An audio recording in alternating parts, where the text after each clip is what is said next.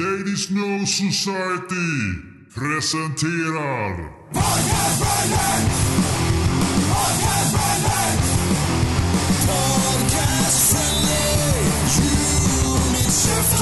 Nu ska vi prata om Satan! Oh, äntligen! Eh, och först har vi en gubbe, en pojke, som har bränt kyrkor. Tre stycken sådana. Oj. Eh, som vi har pratat om tidigare. Minns ni den här pojken? Jo, men vi pratade om det. Var det den här säsongen? Jag tror att det var det. Eh, Tror det. I, i, I USA. Mm. Var, USA. var annars? Ja, i Norge brände de ju en del kyrkor faktiskt. Så skulle Ja, det kunna för vara det. sig. Mm. Det var, det var ju några år sedan, men, Ja. men det var då Eh. ba, baptist, nej inte baptist, vad var det, så här, gospelkyrkor typ, eller vad heter de? Ja, precis. Ja, och sen så Jag tror att det eh, var så. var det inte att han var väldigt... Vi, vi kom fram till att han var en wannabe som ville bara vara som de här norska black metal-gänget.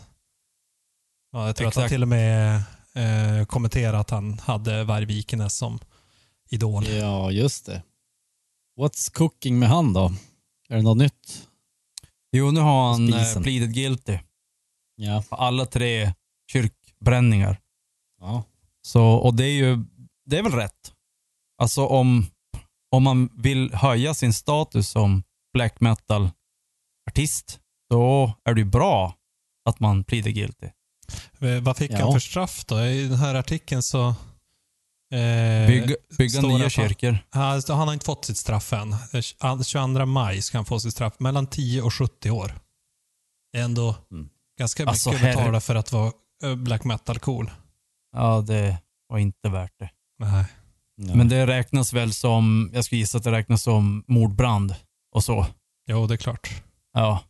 Och då, då blir det inget, inget trevligt. Nej du. Eh, inte bra att vara satanist. Eller? Eller? Det ska vi ta reda på i dagens avsnitt. Ja.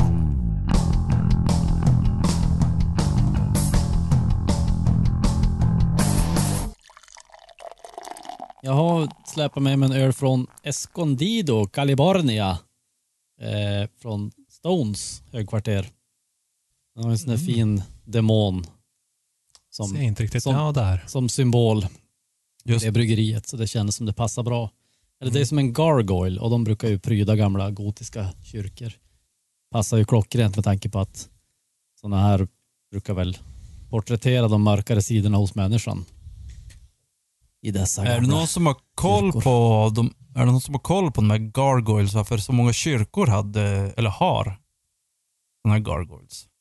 Varför, Nej, jag varför sätter de dit? Men jag har ju varför, sett en massa dokumentärer om kyrkan och sådär och de går in på massa symbolik och just Ja. under gotiska tiden så var det ju väldigt mycket sånt i kyrkor. Jo, Att det fanns Ja. en förklaring, men jag minns inte. Jag tror jag har som- hört förklaringen någon gång också, men jag minns inte heller. Men jag, fasen, jag, tror, jag tror att det var något sånt att de var liksom så här, ja men det är klart det finns gott och ont i människan. Och det har väl Okej. sen, alltså det är väl mer katolska kyrkor som Jo, som Mm. hade det där. De har ju som alltid varit lite mer helhetstänkande på något sätt. En protestantiska he- helighetstänkande. helhetstänkande. Det är i alla fall en eh, Old Guardian från 2010. Alltså en, herregud. en Barley Wine som är 10,7 procent. Jag drack den första på en kompis bröllop för sju år sedan. Och den andra har jag sparat till satanistavsnittet. Oh, det är något stort. Ja, det är Nice. stort. Tänkte, den, den har tio år på nacken, nu är det dags att inse att den, den går sönder snart om jag lagrar den längre. Ja, men, eh, tycker du att äh, smaken har utvecklats? Ja, faktiskt. Första gången jag drack den tyckte jag att den var lite en besvikelse. Så här eh, tunn och oxiderad tyckte den smakade då. Men nu, det är som att den har tagit sig. Den har blivit mer komplex. Helt Mm. klart. Och fortfarande oxiderad, men det gör inte så mycket för den var som mumsig faktiskt. Den är lagrad på bourbon barrels den här varianten också. Ooh. Och Coolt. nästan lite så här äh, ritualistiskt blodröd. Mhm. Ja, Så. nice. Perfekt. Snyggt. Ja, det, det var värdigt. Mm. Eh, du då Nicke? Ja men du, jag gör en cover nästan på Joel. Eh, Stone Delicious IPA. Oh, Gargoyle, Stone. gubben. eh, och där vann ju Joel med hästlängder. Vad hade, Jo. du för, vad hade du för procent? Sa du det? 10,7.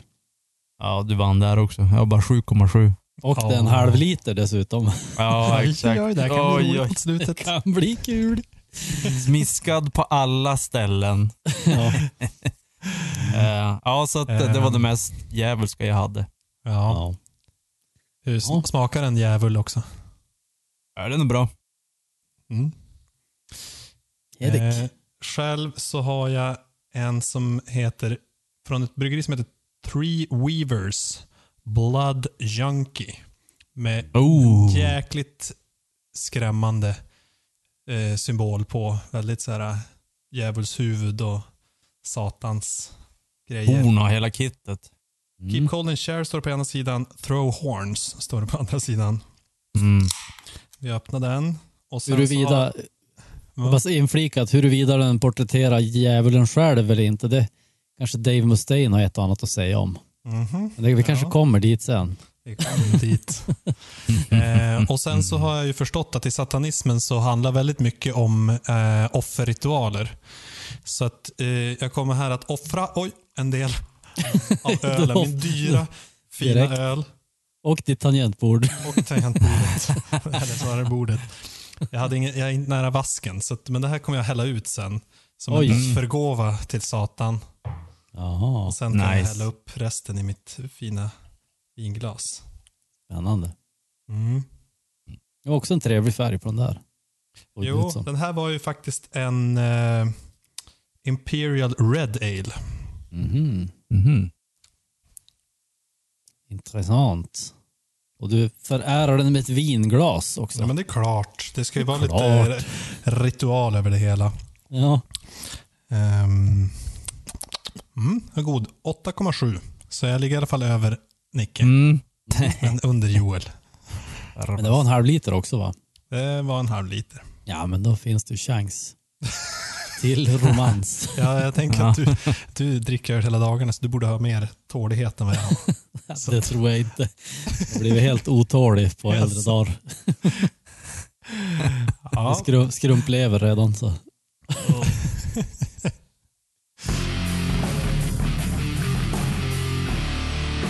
I såna här äh, tjejtidningar så brukar det oftast finnas såna här äh, testa om han verkligen älskar dig.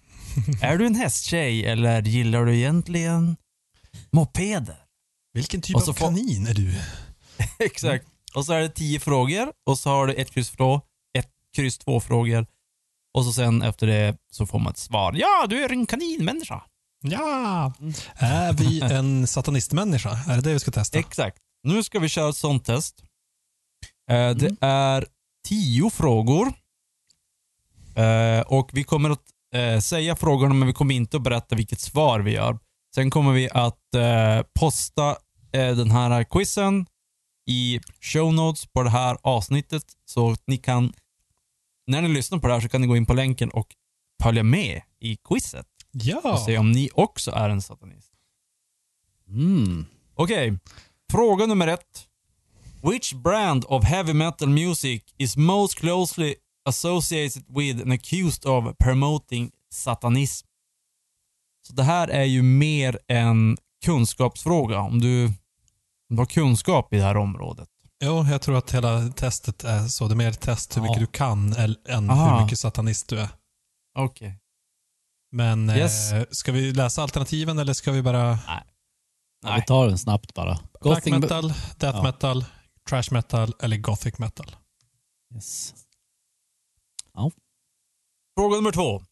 Backmasking is recording a message backwards in a song that is meant to be played forward. Which Led Zeppelin's which Led Zeppelin song allegedly has backmasked lyrics that say Here's to my sweet Satan. Here's to my sweet season.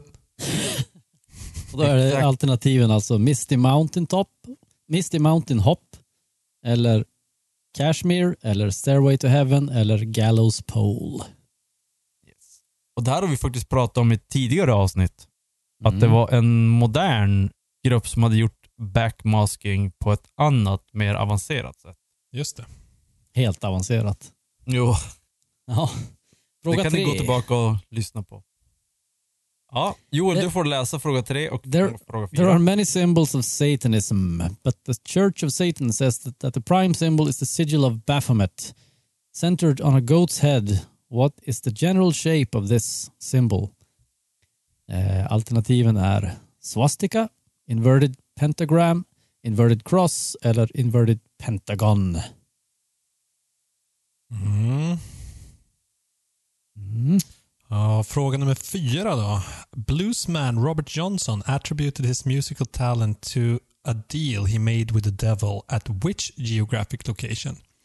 Down in Georgia, Hard Time Killing Floor, Road to Memphis eller Crossroads?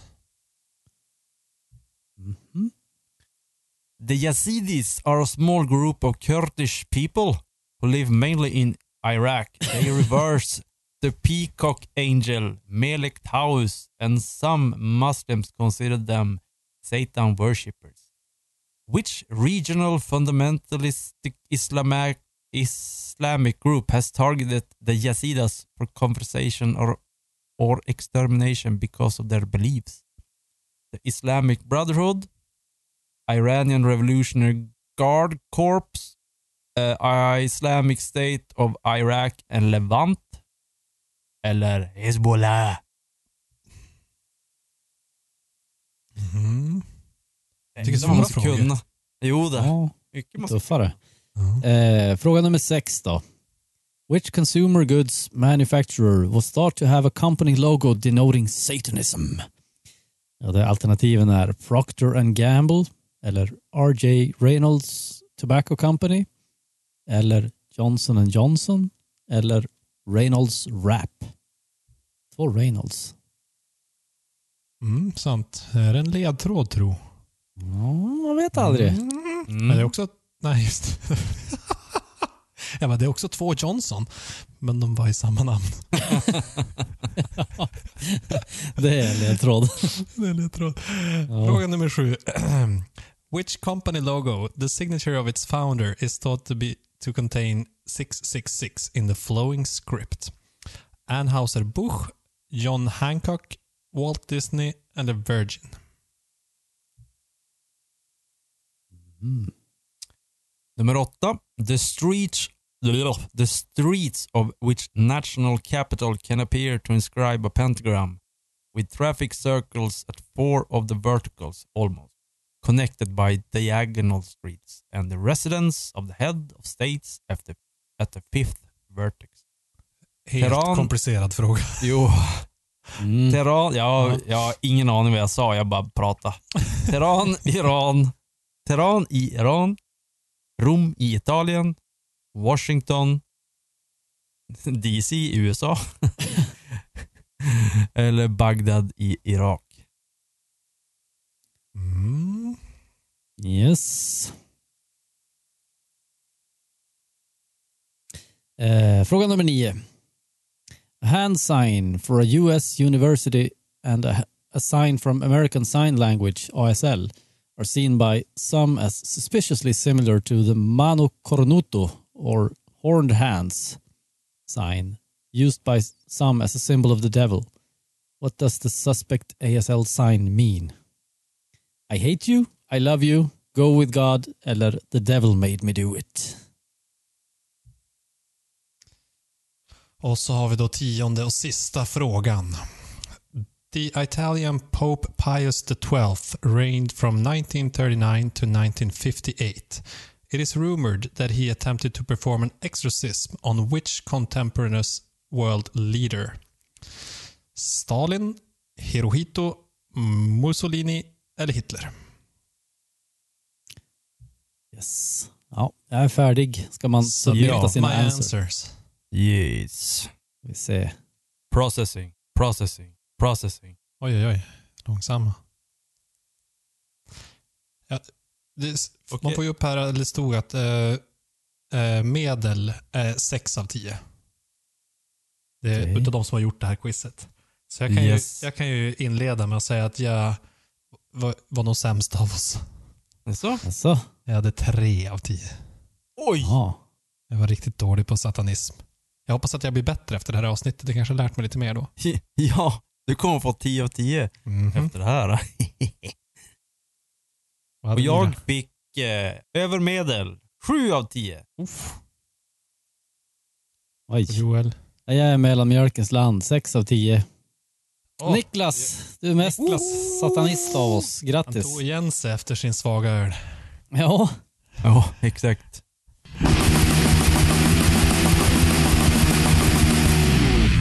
Innan det här avsnittet så har vi även kollat på en dokumentär som släpptes förra året som hette, eller heter, Hail Satan? frågetecken.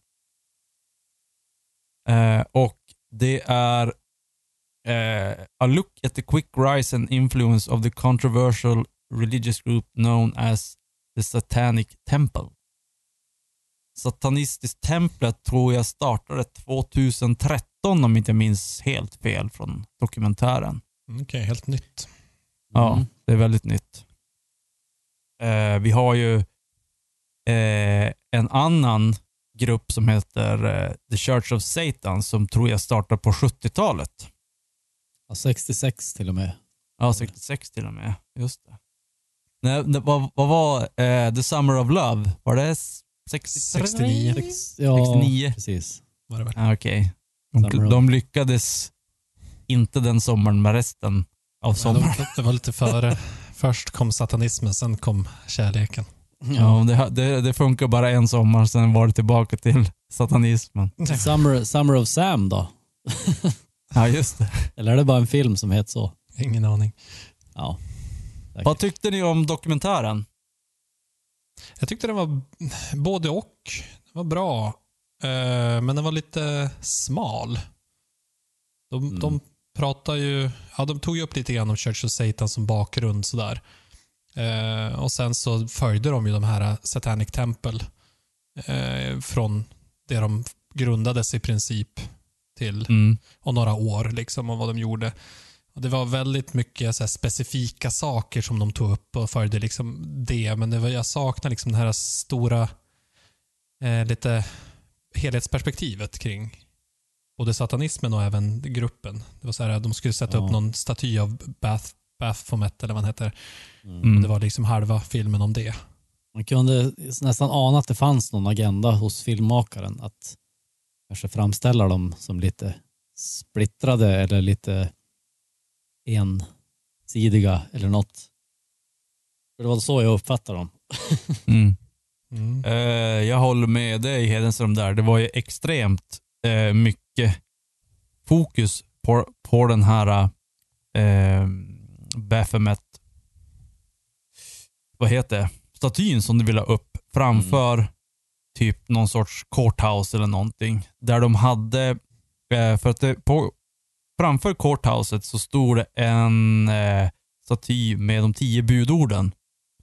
Och satanisttemplet tyckte att, eh, att USA egentligen är inte ett kristet land utan det är ett eh, icke, alltså det är ett, eh, icke-religiöst religionsfritt land. land. Religionsfritt, exakt. Så att du ska kunna egentligen få sätta upp vad som helst men de protesterar att då att det bara är tio budorden så de tyckte att men då om vi har tio budorden här då ska vi också kunna ha våran symbol här för satanismen. Mm. Mm. Så det var ju de satte faktiskt fingret på något väldigt intressant. Det här med när de sålde in USA som ett kristet land. Det var ju jättenyligt. Mm, Det var typ i Exakt. samband med filmpremiären av den där, vad hette den då? De tio budorden eller något sånt där. ja exakt. Alltså på 60-70-talet eller något sånt. Med han Damn you dirty Ja, apes! exakt. Charlton Heston Charlton Heston. i, Jag i vet, legenden. de var väl snarare under andra världskriget tror jag som de började sälja in det att liksom vi är en under Gud och Ja, vi just ska det. eh, samarbeta på grund av det. Ja, det var då de uppfann den där slogan. One nation under God. Mm. Just det, som de har det på pengarna. Jaha, okej. Då är vi Mm, det, plötsligt kristna då. ja, och det, är väl, det var ju troligtvis ett sätt att ena folket just när det var under stora kristider. Mm. Med eh, alltså andra världskriget och så. Mm. För att få Antagligen. alla att jobba åt, åt ett håll. Mm.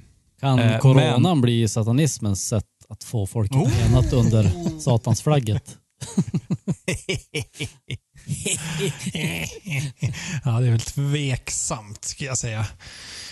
Men, Det är ju, men, det är ju eh, lika stor händelse för, för världen skulle jag säga, som ett Jo, världskrig det, nästan. det ska jag också säga. Men just att satanismen skulle gå vinnande ur det, det är väldigt tveksamt. Ja. Eh, Men, men Ja, jag jag tycker att det med. var intressant i dokumentären just att de... Jag tycker inte att de tog sida sådär tydligt, men mer eh, att det kom fram ganska tydlig kritik mot just det här att USA ska vara kristet och att kristendomen har förtur i många fall eh, mot andra religioner. Eh, och Samtidigt så var de ju inte, att de gick i ledbanden och tyck, framställde eh, The Satanist, Satanic Temple som jättebra och helt genomtänkt heller. Så på så sätt så var det ändå hyfsat Mm. balanserat tycker jag. Mm. Eh, vad tyckte ni om, det var ju väldigt stor fokus på den här, det var en kille som hade ett öga som var trasigt. Mm. Ja, Eh, han var ju någon sorts ledare, eller co-creator typ. mm. Mm. Eh, och det som var, det som jag gillade, en grej eh, i den här, det var att när du har ett, du kan i varje stad, eller state kanske det är, och även i Sverige och andra länder så kan du starta upp en franchise av satanist-templet. Eh, och Mm. det var ju en tjej i den här dokumentären som, som hade en ritual där hon skulle, hon skulle mörda Trump och det var en massa sånt där. Mm. Och hon blev ju utesluten direkt för att de är inte en eh, våldsreligion. Ja, just det. Mm. Nej, det tyckte det var jag ju- var bra Ja, på något sätt. Det var bra. De faktiskt. agerade. Jo. Det var no no. Mm. Ja, nej, men, och det, det var ju intressant bara ur ett rent organisatoriskt perspektiv. Att de har startat det här för att de vill... De, de promotar ju egentligen väldigt mycket fria viljan. Mm. Eh, om man säger att man inte ska underkasta sig eh, system från staten eller eh, Gud eller något annat. Eh, och att man kommer till en punkt där de sätter upp regler och system för hur man ska vara inom deras organisation. Det blir lite motsägelsefullt. Och det, det Mm. sa han ju själv, han den här enögde ledaren. Att det här, ja, det, det är en knepig avvägning. Liksom. Mm. Att inte styra folk och, och sätta regler och vara centralstyrd. Eh, men ändå att man ser till att alla följer det som är tanken med själva rörelsen. Mm. Det är där det blir lite så här. eh, Det blir lite paradoxalt det där. När de säger att de är, till skillnad då från kristendomen, så är de inte auktoritära. Typ. Alltså de ska inte säga åt folk hur de ska vara, just som du säger. Men ja, fast det förutsätter ju att du följer typ de tio budorden. Exakt. Alltså, om du inte följer Jo. dem, då, nej, då måste vi gå in och säga ifrån. Det, det, ja, det är väldigt dubbelt. Men det, där. jag tycker att det är, lite, det är ungefär lite som eh, ateistgrejen. Det finns ju typ så här eh, ateister som joinar ihop så att det blir nästan som en kyrka. Mm. Men, Och, och det är ju Ja. för att människan har ju som ett behov av att hålla ihop med liksinnade. Mm. Eh, det är ju en anledning varför folk gillar religion och sånt. Det är för att, ja, jaha, du är också en, en satanist. Ja, men då gillar du ungefär samma grej som mig. Då vet vi, vet jag vart vi har det. och det som jag tycker är eh, en missuppfattning om ateismen är ju att man tänker att ateismen är en icke-tro. Men ateismen är ju en tro, en stenhård tro på att på vetenskap eller på att Gud Mm. inte finns eh, i den bemärkelsen. Så att det närmaste en icke-tro man kan komma är väl snarare agnostiker. Att säga att jag Mm. vet inte jag bryr mig inte. typ. Det där har man ju förklarat för många som säger att de Mm. är ateister. Och så det har slutat med, samtalet har slutat med att de har sagt ja men jag är nog agnostiker då. Ja, Jag tror det är ju en skillnad någonting. man kanske ska ta reda på innan man börjar kalla sig för saker. Vad det faktiskt innebär. Mm. Jo, men är det här inte lite som allmänt människor att man tror, man läser, man läser inte nyheten, man läser bara eh, det som man klickar på bara rubriken och så, då Mm. tror man att man vet vad artikeln handlar om. Lite så, ja men ateist, ja men, ja men det låter bra, jag tror inte på Gud. Ja men det är bra. Ja, Men det man har ingen koll det här, på Jag vad vill det- bara vara emot. Lite grann så. Ja. Alltså det börjar ju så, att man vill vara emot Jo. någonting. Och sen är det som att man aldrig tar steget vidare. Om man nu fortsätter kalla sig för ateist. Mm. Mm. Nej, och jag är ju också är skyldig för det. Liksom, jag har ju kallat mig ateist i många år. Så att, kanske inte det, mitt, det starkaste som jag brinner för, men om någon skulle fråga så skulle jag ju ha sagt att jag var ateist. Utan att egentligen veta Just vad det det. innebär. Så att, Ja, jag absolut, det är också- lätt hänt. Så också du är en rubrikläsare också? Vad sa Eller? du? Du är en rubrikläsare? Eller? Kanske. Ja, jag tror att, ja vad är det? Jag hade 80-20-regeln. 80% av människorna är nog rubrikläsare. Ja, Jo, man kan Jag ju inte gå in på djupet i varenda fråga. Det är ju det. Och är man inte så intresserad av religion så då har man inte satt sig in i det. jag satte upp, jag tapetserade i min hall för många år sedan med, med tidningspapper. Och då hade jag klippt ut så här artiklar som jag tyckte var intressanta och så här, såklart också gamla ja, men typ recensioner på spelningar man hade varit på. Så där. Så att hela hallen var som ett tidsdokument över mitt liv ungefär.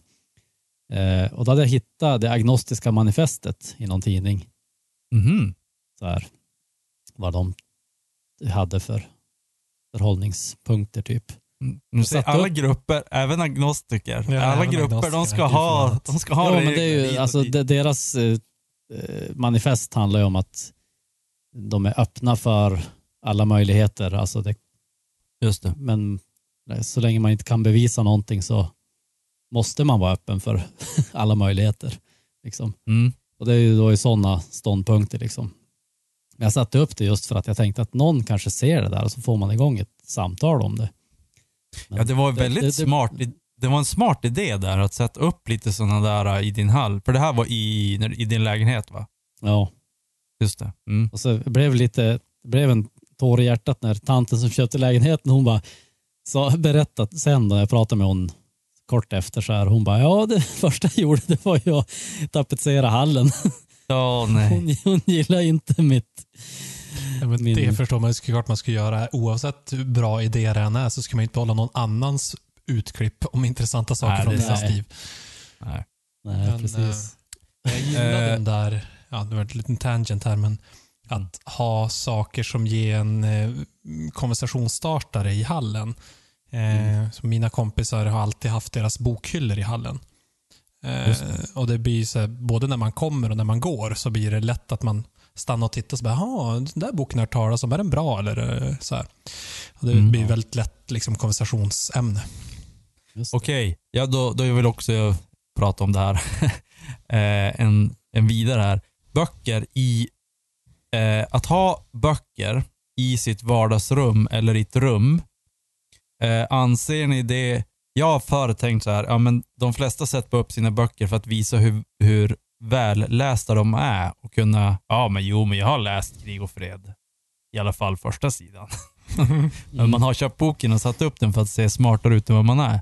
Men Precis. sen så har jag insett att när jag har gjort lite så, så är det faktiskt så att de böcker som jag har läst och jag har satt upp, eh, att jag får lite inspiration för att jag gillar den här boken. Eh, om jag sätter upp en Stevie King-bok här, det är någonting som jag har läst och jag får lite energi av boken. Det är som lite magi där. Mm. Och att det är lite, sen är ju tycker jag att böcker som inredningsdel eh, är en trevlig del. Det blir varmt och skönt av böcker. Ja, där har jag också eh, liksom gått igenom ungefär samma som du. Jag är lite så här, ah, jag ångrar mig kanske inte, men det var kanske lite dumt. Att jag, jag sålde alla mina böcker. Okej. Eh, för jag var så här, men jag vill inte ha böcker. Jag tyckte inte att det var snyggt i tidigare hem där jag bodde, att det bara blev plottrigt att ha massa böcker överallt. Vill ha det mer cleant avskalat. Så bara, ah, jag ska, med de här böckerna till, jag ska inte läsa dem igen. Så sålde jag allting på Blocket eller något. Eh, Men nu har jag lite kommit in mer på din linje att ja, men det, det kanske inte som inredningsdetalj, men som att sätta en personlig prägel. Mm. Just det, okej. Jo, jag tycker som du Eh. Nicke också att det är lite magi i Ja. böckerna. Man, man, man får som någon känsla när man ser dem.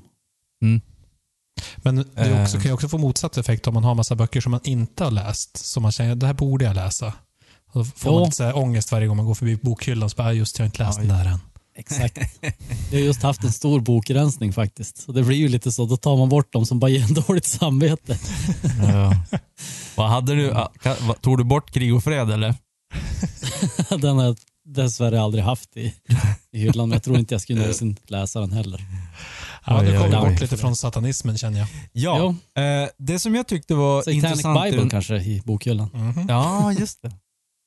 Det som, en, en grej som jag tyckte var intressant i den här uh, Hail Satan-dokumentären var början när eh, bland de första scenerna så visade de en kille som hade på sig som någon sorts rock och gjorde ett trick där han skulle he upp handen och så skulle det fara någon låga Mm. så att det skulle bli som ett, ett skådespel och så stod hon och te- testade det här och så filmar de. Mm. Och jag tyckte att det var som så här, jag bara, åh herregud, vad är det här för något? Det är som så här uh, cosplay-aktigt kändes det som. Ja. Eh, Otroligt töntigt. ja, och så sen den här han var, han, han hade inte självförtroende kändes det som. Han var lite som så här, oj oj oj, vågar jag verkligen göra det här? Mm. Och sen så fick man ju veta då att det var en skådespelare som var anställd, en väldigt dålig skådespelare, av den här enögda mannen. Och han insåg ju sen att nej, jag kan inte ha, om, för grejen var att den här enögda mannen, han är ju en nervös, människa, nervös människa. Det ser man genom hela dokumentären. Han har inte här, han är ju ingen Trump. Han har ju inte stort självförtroende. Han är ju Nej. han är lite så här när han ska göra protester mot grejer så gör, han är alltid nervös i de här eh, jag ser ju vad det är för sorts person här. Mm, ja, han är inte så extrovert heller egentligen. Men han, Nej, exakt. han har blivit ledare och måste ta den rollen på något vis. Ja, exakt. Det var ju därför han anställde en, en skådis för att vara typ Trump för grejen. Men sen insåg han att nej, vänta nu, jag kan inte göra det för den här personen har, vet ju inte, alltså, kan ju inte säga det jag vill säga.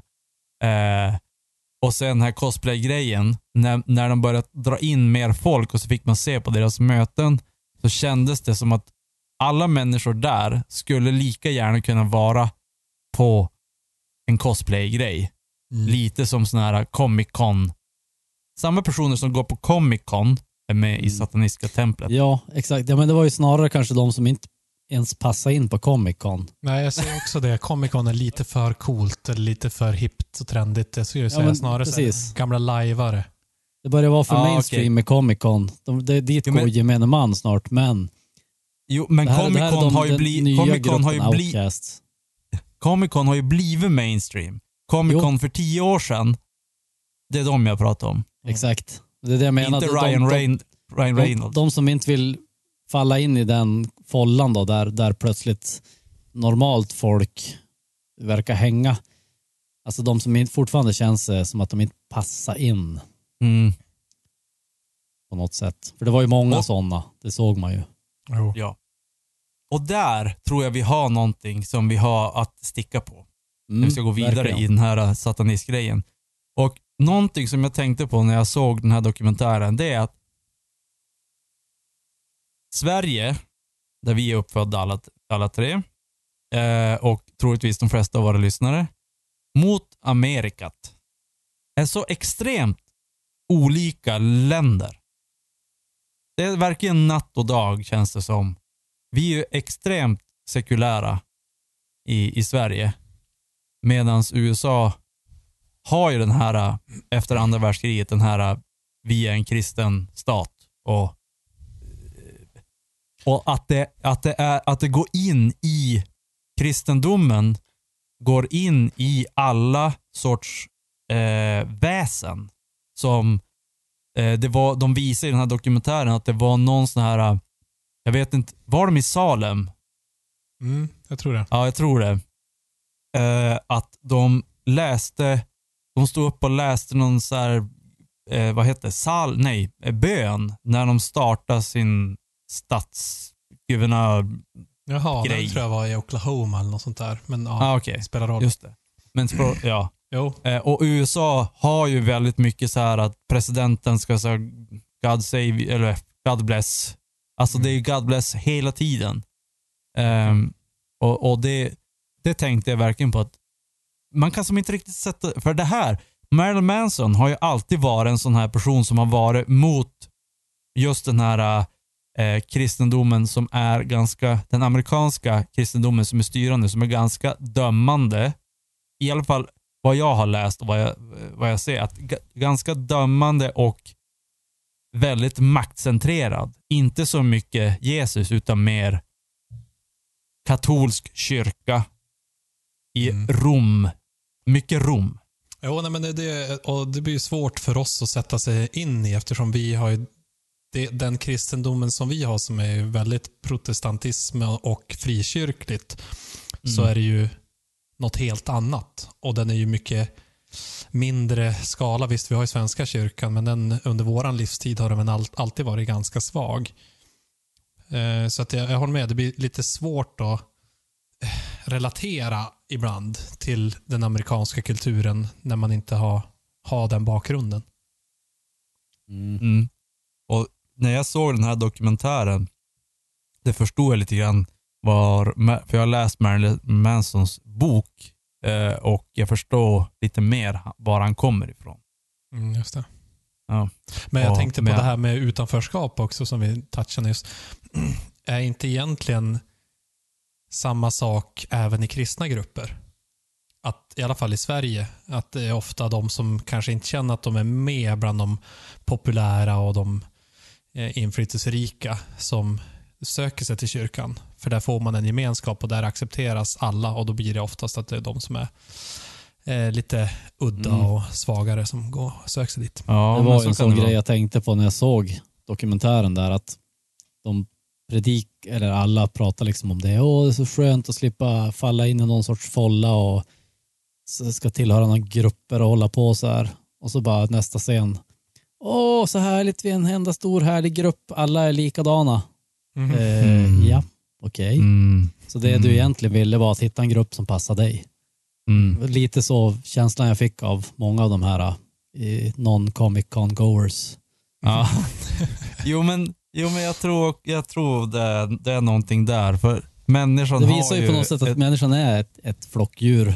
ja, Alltså, vi letar alltid en grupptillhörighet. Även om vi är Mm. råbarkade individualister så Ja, egoister. då samlas så man kring det. vi, be, vi Oh, behöver, du är ja, också exakt, vi individualist. grupp som kan backa oss.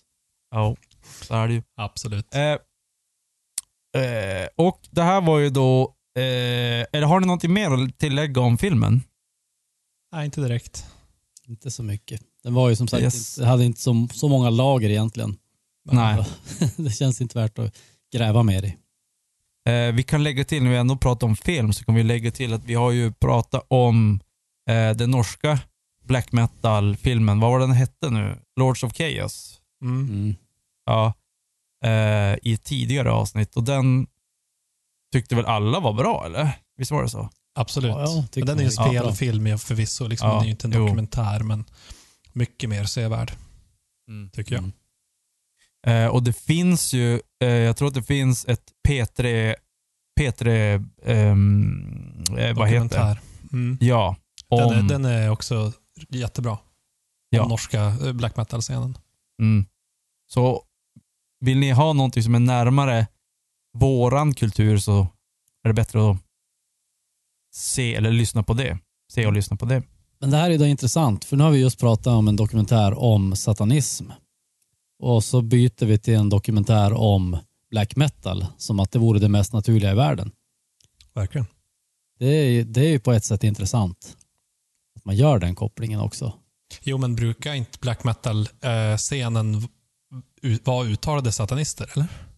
Ja, alltså Fast det har, inte ju, på samma det, sätt som det satanister. har ju någon sorts stark koppling, men samtidigt är ju eh, hela satanismen som, som eh,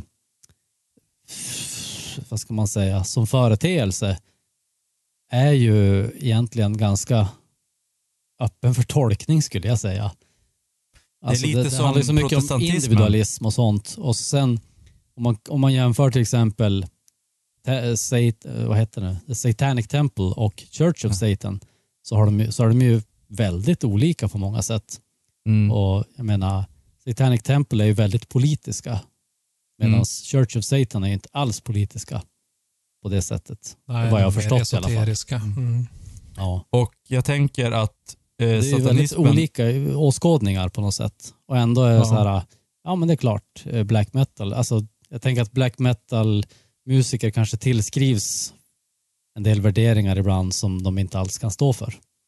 Just med tanke på den här, de här, eh, den här oklarheten som finns kring satanism.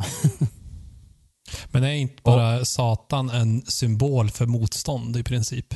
Att man eh, vill vara mot någonting som är etablerat? Ja, men jag tror snarare att det är att man vill, man vill liksom påvisa att vi har en mörk sida också. Hallå? Ni har vuxit upp och trott att vi bara ska vara goda och ljusa och Fast att vi ja, inte är kapabla till något, eller att vi ska tränga undan allting mörkt. Den att- delen är ju det som Church of Satan kanske tar eh, avstamp i. Medan Mm. Satanistic Temple är mer i den här eh, motmakten eh, delen. Liksom. Mm. Ja, exakt. Eh, samtidigt så att ni ha ska- väldigt, väldigt kristna värderingar ändå. Får man väl säga. Utan att de vet om det. Utan att, ja, Kanske. jag tror att de vet om det. Jag tror inte att de Ja. hymlar med det egentligen heller. Ska vi gå in på vad de har för värderingar och vad, vad som är skillnaden Mm. mellan de där två? Hej, det var Kurt Cobain här. Jag sitter i en studio i Seattle. Eh, Jag har fiskmåsarna bakom mig. Eh, Jag lyssnar alltid på poddar från podcast.se när jag inte spelar grunge på jättehög volym. Podcast.se stavas med K. Church of Satan, som vi sa tidigare, var ju eh, eh, skapat 1966 och eh, Sataniska templet 2013. Oj. Eh, och vi kan lägga in den här eh, Vad händer nu? Jag fortsätter spela satanistiska in, templet som har gjort Skype. en Kids Quick Reference Guide. Så vi kan lägga in det i show notes också, så kan ni gå in och, och titta. Det är en jäkla massa grejer här, men vilka, vad, vad är det ni tycker är de största skillnaderna här? Vi kan, orkar inte, vi kan inte ta upp alla. Då, då hinner vi ju bli farfar. Mm. Men är det någonting som ni... Eh, det man kan säga är att membership fee, eh, Church of Satan tar 250 dollar för att gå med. Eh, Sataniska templet tar ingenting. De tar eh, 25 dollar för membership card tror jag. Men det är väl att Church of Satan känns lite mer som en orden eller sekt eller någonting medan Satanistic Temple känns mer som en rörelse. Jag tycker också Mm. eh, det är lite så att Church of Satan är, eh, vad ska man säga, baserat runt en viss person som vill ha smiska folk i en bastu. Ja, det är mera en kultvarning, Church of Satan. Ja. Mm. Kultvibbar. Mm. Ja, det är väl... Eh, de tror på magi till exempel som inte Church, Satanic Temple gör. Eh, de eh, har, tror, liksom, kämpar inte för sekularism. Så att de är ju mer en, ja men som sagt, mer en sekt liksom, som tror Mm. på det här esoteriska och eh, religiösa, eller ja, mer det liksom. Ja, Satanistic Yes. Temple känns mer ateistiska då. Mm. Mm. Och vad jag tycker är intressant är att ingen av de här rörelserna slash kyrkorna tror på, alltså det var en punkt så här, belief in an actual Satan och det var ingen som hade det. Det är ju på ett sätt, det, det, det ger dem ju lite mer kredibilitet på något sätt i dagens sekulariserade värld. så att, eh, men det var ändå intressant. Man kunde tänka sig att båda två skulle ändå tro att det är något sorts verklighet bakom det. Men blir Mm. det inte då att om man tror på den, faktisk, den faktiska Satan har väl sitt ursprung i kristendomen? Så att om Ja. man är, tror på Satan, då måste man ju samtidigt säga att då tror vi på kristendomen. Och det blir ju lite motsägelsefullt. Jo, ja men det blir ju inte, skulle jag säga. Alltså, det, det handlar väl mer om bara vem man låter, vilka principer man låter styra sitt liv. Om man nu Mm. tror att Satan finns och Gud finns, men ja, det är bättre att följa Satan. Det blir ju som en, ett val bara, helt enkelt. tänker jag. Men Ja, det är intressant, de tror, de tror inte på en Satan, men, men att de ändå har som sagt ganska kristna grundvärderingar. det, är, det är det som blir ännu mer paradoxalt på något sätt.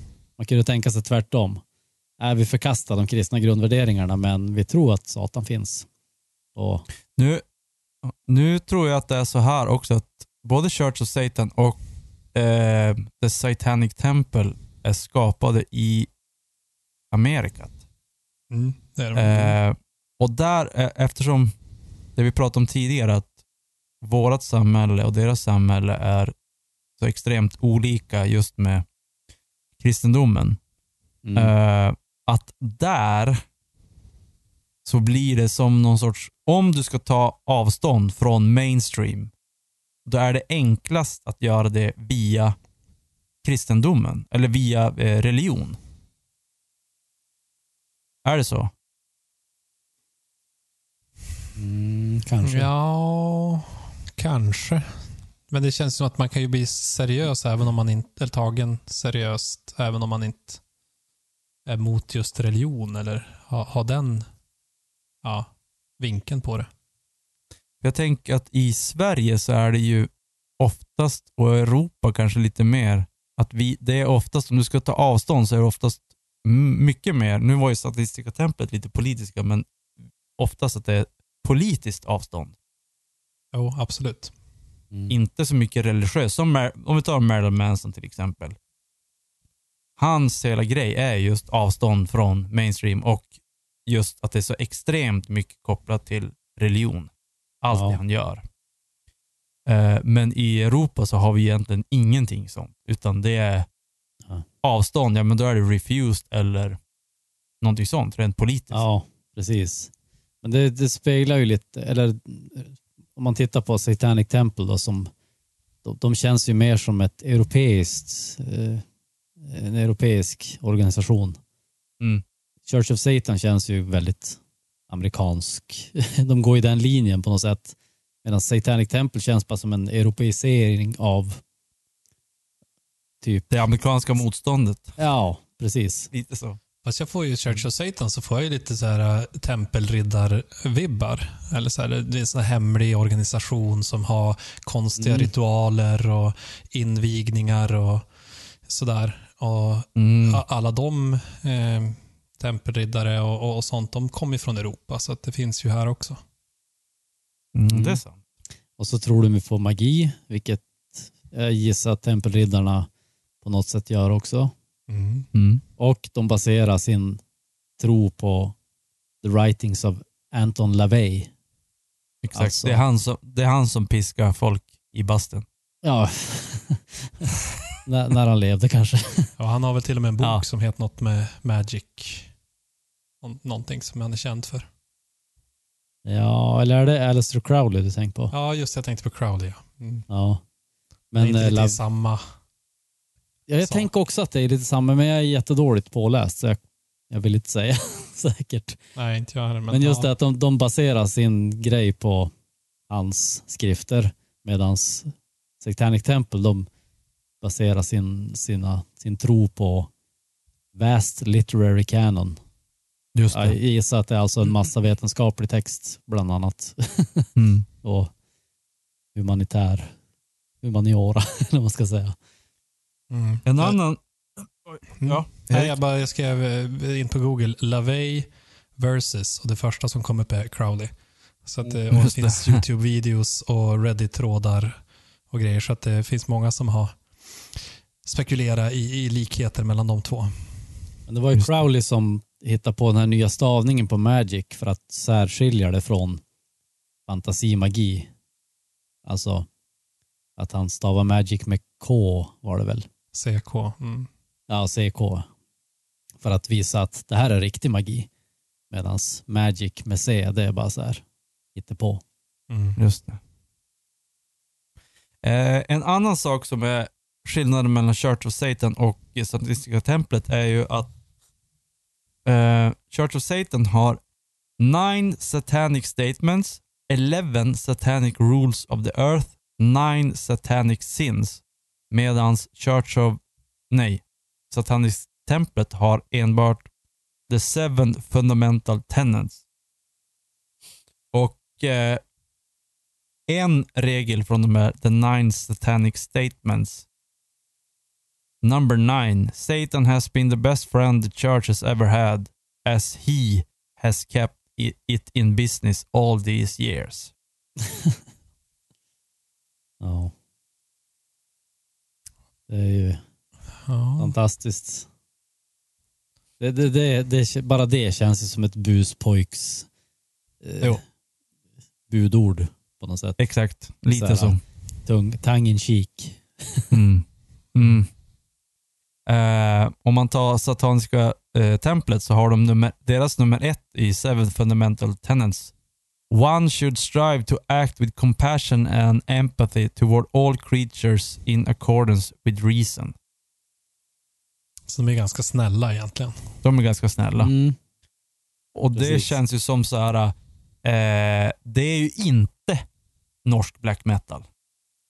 Nej, Det är ju jävligt långt från norsk black metal. Från, från eh, det som jag tidigare har kopplat till satanism. Eller? Nej, men jag skulle säga att det är, det är samtidigt väldigt individualistiskt. För det är ju så här, jaha, vem är det som av, avgör vad som är reason då? Det avgör ju du själv först och Ja, främst. jo det är sant. Så det blir ju, eh, jag ser ju många konflikter med deras liksom tenets här. Ja. Nummer två då, the struggle for justice is an ongoing and necessary pursuit that should prevail over laws and institutions. Ja, Mm. alltså individens tycke i Ja. princip, vad som är rättvist. Borde regera över lagar och institutioner. Ja, då har vi ju kaos ganska fort skulle jag säga. Mm.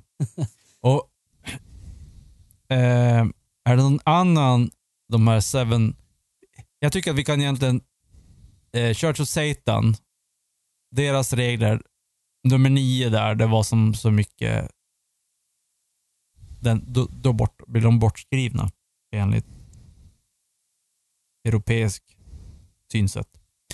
Men är det någon av de här eh, reglerna, nu har vi, vi har redan skjutit ner ett och två här. Är det någon som ni tycker verkar riktig och rätt? ja, absolut på, Det är jättemånga. ja verkligen. Satanic Temple, jag tycker de flesta känns ganska vettiga. The freedoms of others should be respected. Eh, people are fallible, one makes mistake, bla bla bla. Så att de är ju, de är ju en humanistisk rörelse, ska jag säga. Mm. Medans ehm, ehm, Church of Satan då är mer, vad, het, vad heter den gamla grekiska filosofen som tyckte att man skulle, att njutning var det största eh, man skulle sträva efter.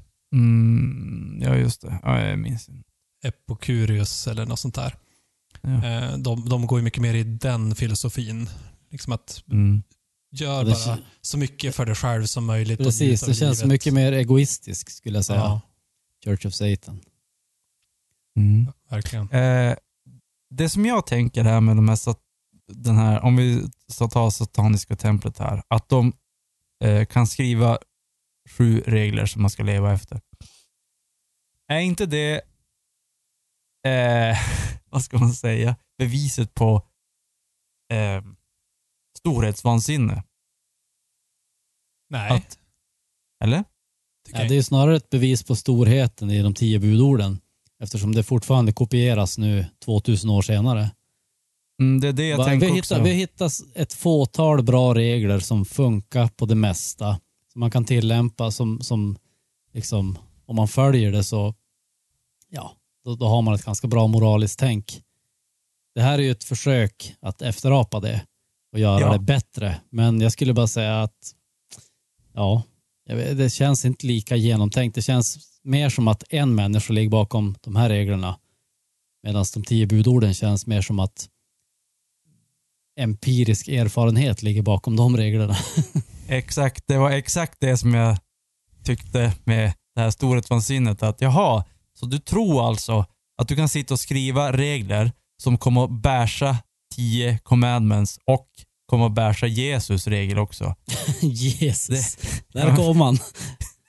Det, Men, det, eh, det är ju... men det det är blir ju ju som, de, här är ju, de här är ju mer öppna för tolkning känner jag, både, från båda kyrkorna. De är ju väldigt öppna för tolkning om man jämför med de tio budorden. mm, Men har inte alla filosofer och filosofier genom årtusendena eh, alltid satt upp, försökt hitta så bra moraliska eller etiska regler som möjligt för ett samhälle som man tror skulle funka om folk följde dem. Det är ju liksom själva grundtanken med en filosofi. Ja, fast det är väl sällan en sån här lista med regler, utan det är väl mer som att folk idag citerar deras visdomsord. Som att det är sanningen och livet. Mm, men det, ja, kanske. De har ju säkert sagt tusen grejer som är ganska öppna för tolkning då. Som, som Skillnaden de här, är ju hårfin mellan att säga så här tycker jag, eller så, så här är min upplevelse av världen och så här borde man leva. Det Ja, nej, men jag fattar. Det blir en tolkningsfråga i det. Mm. Och sen så eh, är det ju lite också så här, jag lyssnade på en podcast idag med eh, herr Jordan Peterson där han pratade om, där han la in lite grann om Freud. Att, han sa att Freud har blivit lite av en så här skojfigur nu för tiden. Mm, absolut. Men det, är ju, men det är ju bara för att allt det han har sagt som vi, eller allt det han har sagt som har varit riktigt, det tar vi för givet nu. Men Mm. allting som han har sagt fel, det skojar vi bort. För att det är ungefär som att, ja, gräset, han sa att gräset var grönt. Ja. Det, Men det är, ja, som, men det är klart. det är så med det är. alla, alla liksom gamla läror och levnadssätt. Ja, Att Ja. man tar dem för givet. Det exakt. spelar ingen roll var de kommer ifrån. Det är ju självklart, säger man. Men det är inte Jo, det är, kanske, det är jo, inte kanske självklart. Och är, om, om det nu är självklart, liksom om det alltid har gällt för alla människor som någonsin har levt, då är det väl helt enkelt ett tecken på att de som har sagt det för några tusen år sedan, de visste vad de pratade om. Jo, och sen så blir det ju att vissa saker går ur tiden. Och Det är också Mm. massor med grejer som står i Bibeln som idag är helt barocka. Som man Mm. bara, men vad det här, det här är ju som ett skämt. Eh, Där handlar det ju ofta om, om, om ett språk som man inte längre förstår också. Mm. Alltså ja, det är ju ett symbolspråk ofta som, som inte längre används. Och därför, Som, så kan det ju någonstans- dels vara, men sen kan det ju vara också att det där är inte relevant längre. Eh, för vi har Vi- ersatt det med andra eh, principer. eller- mm, Vi har kylskåp nu. Till exempel. precis. Men det, Principen det, översätt, översättningarna och, och, och vad ska man säga, nyutgåvorna av Bibeln till exempel har ju inte hängt med i tolkningen. Som det här, att- jag hörde också på en, eh, en podcast häromdagen där samma snubbe pratade om det här med, jo, var det Jobs fru, eller var det Lots fru? Ja, Lot- Lots fru var det som blev en pelare av salt. just det. För att hon tittade tillbaks när de skulle lämna Sodom och Gomorra. Ja, Och han bara, ja, så bara i förbifarten sa han det. Ja, by the way, salt is tears. Alltså ja symboliskt. Ja, Mm. hon, hon tittade tillbaks på det de lämnade och så sörjde hon resten av livet över det. Alltså hon slutade aldrig tänka tillbaks på vad de hade lämnat. Hon Nej, var, ble, det- blev en sörjande kvinna. Hon blev inte en pelare av salt. typ så. Nej, och det där är ju ganska typiskt. Alltså om du skriver dikter, då, då, då de flesta av de här gamla berättelserna är ju typ skrivet på ett poetiskt sätt, Ja, slash konst, konstnärligt sätt. En konstnär vill inte skriva sanningen utan vill, vill göra en finare version av det. Och på det sättet som de skrev det back in the days var ju på ett helt annat sätt än en konstnär eller en poet skulle skriva det idag. Mm. Så att vi kan inte tolka, vi kan inte tolka eh, det på vårat sätt nu. Vi måste ta på Precis. oss historieögonen och poetögonen. Så för att hålla oss, till, hålla oss till poddämnet och inte spåra Ja. iväg allt för långt.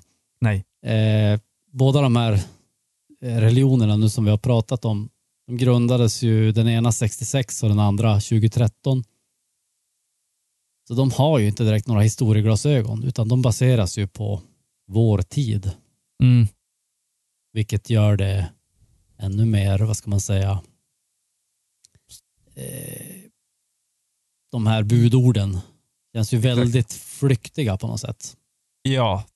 Och, och, men då är frågan då, är Det det, kan ju ändras bara, imorgon liksom. är det bara för att det är modernt? Eller för att det är Jag nytt? tror, att, jag tror att det är att de baseras på modernt och postmodernt tänkande. Så, vilket gör att de, alltså de, de baserar inte på någon, något historietänkande. Nej, men då borde de ju kunna vara mer relevanta också för dagens människor. Jo, och det är väl det de, det är väl därför så många eh, ändå går med i de här kyrkorna, tänker jag. Precis. De, de känner att det här är ju skitrelevant, för det säger ju att jag kan bete mig exakt hur jag vill till exempel. Och det går ju helt i linje med hur jag har vuxit upp hela mitt liv. så att, Mm. då kör vi. Precis. Och på tal om att söka sig till, att fler och fler söker sig till det här så har ju även en gren av eh, satanistiska templet öppnat i Sverige. Ja. Eh, och fått, eh, eh, vad heter det, godkännande som trossamfund här eh, 2019. Så ganska nyligt. Så det är också intressant och jag, jag tycker ju, jag gillar ju på något vis det, att det är eh, att, att man har en så pass öppen syn på, på religion att även eh, en satanistisk rörelse kan bli erkänd som en, som en religion. Det är en tro på, på, Mm. på någonting. Sen så kan man ju tycka vad man vill om, om den tron. Jag kan ju tycka att det finns ännu sämre eh, tro, trossamfund än satanisterna, men eh, det visar ju ändå på Mm. att vi faktiskt har en religiös frihet i Sverige. Ja. Mm. Eh, vad- vad- vad- man kan ju undra, då, eftersom ingen verkar tro på Satan, vad, är det för grundtro som den här, de här religionerna baseras på egentligen? Ja, du Är har det de liksom sju individens-. Jo, men jag Ja, menar, alltså. vad, vad, är, vad är... De har ju sju tenets, men då har ju Satanskyrkan, vad heter det, Satanic Church, har ju eh, nio helt andra regler. Alltså vad är det som förenar dem? Varför Inget. använder de båda ordet Satan? Ja, men det är ju inget. Men, men Nej. det är ju bara att de har Nej. valt ett ord som... Dels tror jag att det är för publicitet Ja. och dels för, som jag tolkar det då, att man, man, man är en motståndsrörelse. Mm. Det, det är lite så här, du vet, ungdomsgrejen. Jag ska göra uppror. Då ska jag ta på mig en t-shirt där det står eh, fuck. Eller Mm. någonting sånt där. Eller Che Guevara. Ja. För att jag vet att han var en rebell. Mm. Måste jag ju ha han på min, mitt bröst. Men i, i, i USA så är det ju så här att om du blir en go, eh, om staten erkänner din tro som en riktig tro, då slipper du betala skatt. Men i Sverige så tror jag att man måste fortfarande betala skatt. Eh, men är, eller? Nej. Ja, du, du kan ju, du Du- kan ju du gå ur kyrkan och slippa betala momsbefriad i alla fall. kyrkoskatt. Du är momsbefriad som eh, religiös organisation. Ja, just det. Just det. Men, men i USA är det väl så att med... Nej, det är bara kyrkan ja. Just det. Mm, just det. Okej. Mm. Men eh, och, och, och, eh, nu när vi har den här eh, Church of Satan kanske man kan joina även om man bor i Sverige. Men nu finns ju Sataniska templet i, eh, eller Sataniska samfundet, men det är ju, det är väl då en, He- Hedenström, du som har läst nyheten här, Mm. det är alltså den svenska eh, franchisen kan man säga. Ja, det står att de är inspirerade av eh, eh, Satanic Temple. Okej, Så så, det- det är en helt ny gren. Det, den är inte, man är, det är inte Sataniska templet egentligen. Nej, alltså i Sverige så skulle de ju aldrig erkänna en amerikansk organisation som eh, religiös trossamfund. Så att de har ju en egen, men det, ja, jag tror att det är egentligen Typ samma. en, en gren av det. Ja. Rörelsen har sitt ursprung i The Satanic Temple. Ja, ja. Bla, bla, bla. en avknoppning. Det är lite Inte som en helt protest... olikt humanisterna. Vilket vi pratade om tidigare också. Det står ju också att de har, de har endast blivit godkända som registrerat trossamfund. De, de har ju liksom inga bidrag eller ingen vigselrätt och sådana saker. Ja, just det. Men det är bara liksom Mm. att de är erkända. Det är det som är grejen. Mm. Men om ni skulle joina någon av de här då? Skulle ni joina Church of Satan, Satanic Temple eller Satanistiska samfundet? Jag tycker att eh, de här Church of Satan låter lite mer spännande faktiskt. Alltså jag är med på ditt Ja. lag där. Jag, jag tycker också att om man ändå ska hålla på med sånt här svammel, då kan man lika gärna köra svammel rakt in i väggen. ja, jag känner Ja. också det. Så jag, kör, jag, jag tänkt bara så här. 1969 var en ändå sjukt nog att man säger det, men det var en mer sansad tid än vad, vad, det, vad vi lever i idag. Så Mm. att bara därför så går jag med i Church of Satan. Woho! Woho! Över hela Ingen ska brädet. bort. På tal om trossamfund. Eh, jag tänkte starta ett trossamfund där det är trossamfund. Så jag ska, det ska vara tron på trosor. Mm. Ett av Sveriges ofta det när man, bästa när, man, ord. när man pratar om trosbekännelse. Jag hör ju bara trosor. alltså trossamfund, då är det ändå dubbel Ah. S, så det är inte riktigt samma, men trosbekännelse. Ja, jag Ja. bekänner mig till trosan. Jo, jag tyckte den är trevlig. Vi börjar ju podden med eh, en liten nyhet om black metal. Eh, Och det är ju ändå en musikpodd vi gör. Det har varit ganska lite musik i det här avsnittet än så länge. Verkligen. Eh, men vi har ju eh, vårt största black metal-band i Sverige är ju Vetain. Eh, och vi har hittat en artikel här där de pratar med Vetain om just det här med deras koppling till eh, Satan och satanismen. En Och- liten parentes där så kan jag säga att eh, Watain har blivit eh, blockade från USA. Alltså, Eller Blockade. blockade, jag vet inte vad det heter. Det var inte under corona utan var tid, det var tidigare. De, de får inte åka in i USA längre. Mhm. Jaha. Okej. Varför? Eh, det kan jag inte säga, men jag gissar att det har någonting med blod och saker på scenen. Men blockade, det är alltså USAs Facebook-sida de inte får gå in på. Exakt. Eller du menar att de inte får komma in i landet? ja, Ja. Vad kallas Jag vet det? inte. Man är... jag kommer inte, jag kommer inte på, Ja, vad jag det, vet kommer inte inte på vad det heter just nu. Ehm, Ja. Men det de pratar om här i den här artikeln, Vetain, är ju mer att de, eh, de, de vill ju inte egentligen tillskriva sig eh, satanism alls. Just det. Ehm, men de, han säger så här. Diabolic symbolism, archetypes and ideas brought me closer to what the devil actually represents. Um, och lite grann inne på det här att göra sig fri. Det handlar mer om det, att liksom eh, se, se bortom eh, det man har blivit uppvuxen med och det som samhället trycker på en och sådär. Eh, mer än eh, vad ska man säga, upplyst, uppvaknad eh, syn på verkligheten som de försöker förmedla. Eh, snarare än liksom offerritualer och sådana saker. Kan man dra kopplingar, ha, eh, det här bandet och, och tankar, kan man dra kopplingar mellan man säger, politisk punk och hardcore och eh, flower power grejen? Ja, jag tycker det var en intressant koppling. Jag har inte tänkt på det. Vi är tillbaka i 60-talet igen här. Mm, Ja, ta lite kanske. tune in. Va, vad är man gör, vad ska man göra? Tune, in, turn on, drop out. Ja, exakt. Ja. Så Jo, men jag tror att det har väl, i alla fall om man ser till det som Watain säger, så tycker jag att det ligger väldigt nära Ja. det. Mm. Eh, sen så kan jag Precis. tycka att eh, Church of Satan, som sagt, de är mer en humanistisk, så här, mm, ideologisk, eh, liberal eh, organisation som, som tar egentligen ett mer ett politiskt ställningstagande än något annat.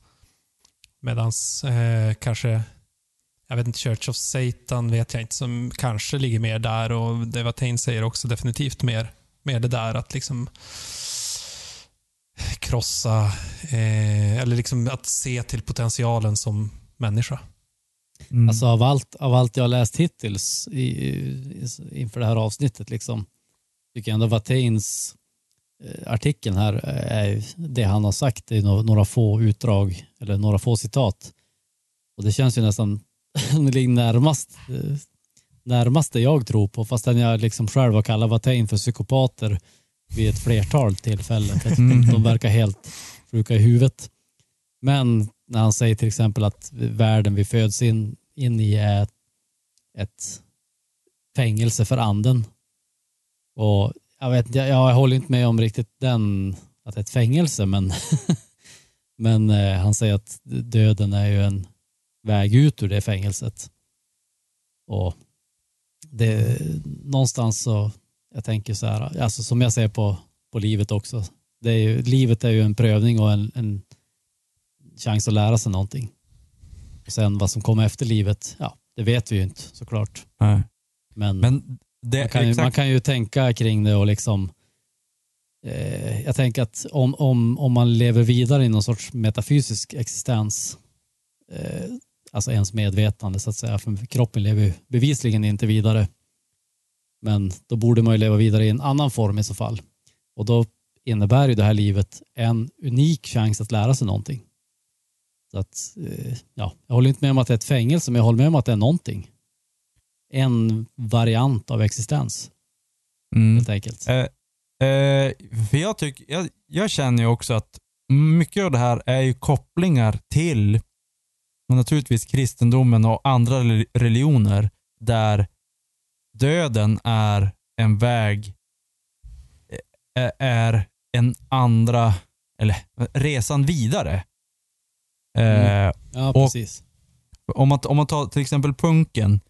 Punken har ju inget sånt, utan punken är, om vi tar europeisk punk, amerikansk punk är mer, den är inte så lika politi, politisk som europeisk punk. Ja. Men om vi tar det vi är uppvuxna med, där är det mer att slåss för eh, arbetare och, och vanligt folk i det här livet. De har, punken har ingen koppling till efterlivet. Nej. Det är Nej. väldigt få företeelser i det här livet som har det. Och det är väl därför ändå jag tänker sådana här saker som satanism är ganska intressanta. Mm. Ja, kanske Och- inte, och- ja, och- inte, inte så man- mycket av det de säger egentligen, men, men alltså att man ändå tänker kring existensen väldigt mycket. Mm. Och Exakt, och det det jag tänker som Watain här till exempel. Eh, det är ju...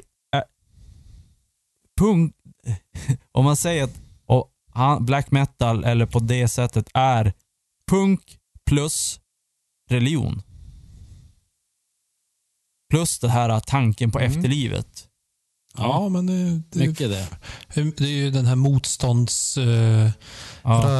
eller känslan som är i punken. Att liksom man är mot det etablerade. Men att man Exakt. samtidigt har ett, eh, ja, ska man kalla det spirituellt budskap då. Exakt. Och det är ju där liksom eh, black metal också kom in i bilden för black metal har ju ganska tydliga rötter i punken också. Ja, kanske de har. Hur tänkte du då? Ja, men det, det är ju bara så. De har ju det. De är väldigt... Det, det är ju en... Eh, Tänkte du musikaliskt eller tänkte du mer eh, budskapsmässigt? ja, men jag skulle säga både och. Alltså budskapsmässigt med tanke på det Nicke just sa. Men även musikaliskt finns det ju mm, vissa kopplingar. Så.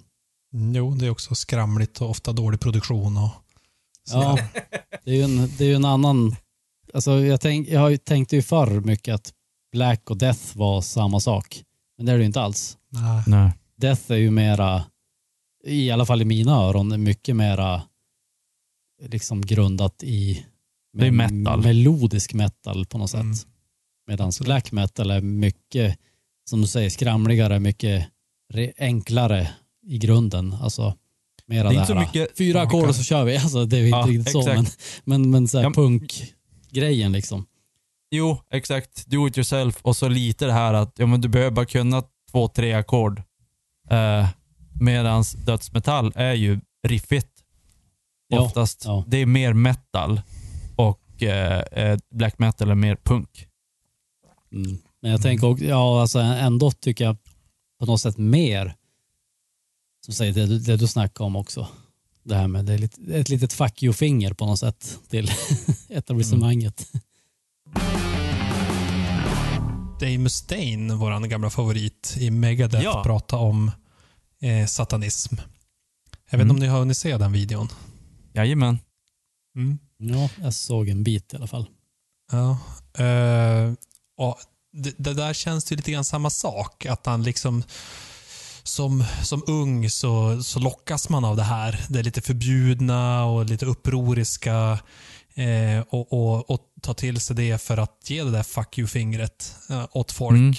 Och så sjunger man om, om Satan och om ritualer och sådär. Och så får man känna sig cool och få uppmärksamhet. Men att han på äldre dagar har tagit helt avstånd från det och gått tillbaka till där han kom från. Vilket är en väldigt kristen uppväxt. Mm. Mm. Så det var ungefär det jag tog från det. Vad, vad, mm, vad, vad tänkte ni kring den där intervjun med Mustaine? Jag tänkte Ja, jag framförallt, eh, ja förlåt, du kan börja. Nej men kör du. Kör Joel. Ska jag köra? Eh, jo, nej, men eh, han pratade ju, som sagt, jag såg inte hela, men jag såg när han pratade om att han, han hade utfört vissa ritualer och så hade det hänt saker på riktigt. Det Just var det. någon, någon han inte tyckte om som han hade gjort någon ritual emot. Så, här, så hade han typ, vad var det, han hamnade i en bilolycka eller någonting. Mm.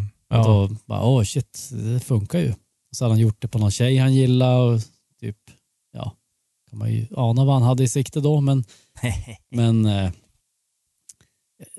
där tänker jag att det är lite grann som The Secret och sådana saker. Liksom att Mm. det man fokuserar på, det blir ju till slut verklighet på något sätt. Och så plus att man, det blir en eh, confirmation bias, alltså att man, man ser det man vill se. Jo. Helt enkelt. Man gör samband som man vill göra. Och det är ju på något sätt, man bestämmer ju, det här är ju också grunden för de flesta religioner, man bestämmer hur man ska uppleva sitt liv. Det bestämmer man själv ganska mycket. Alltså, du kan bestämma upplevelsen av ditt liv till stor del.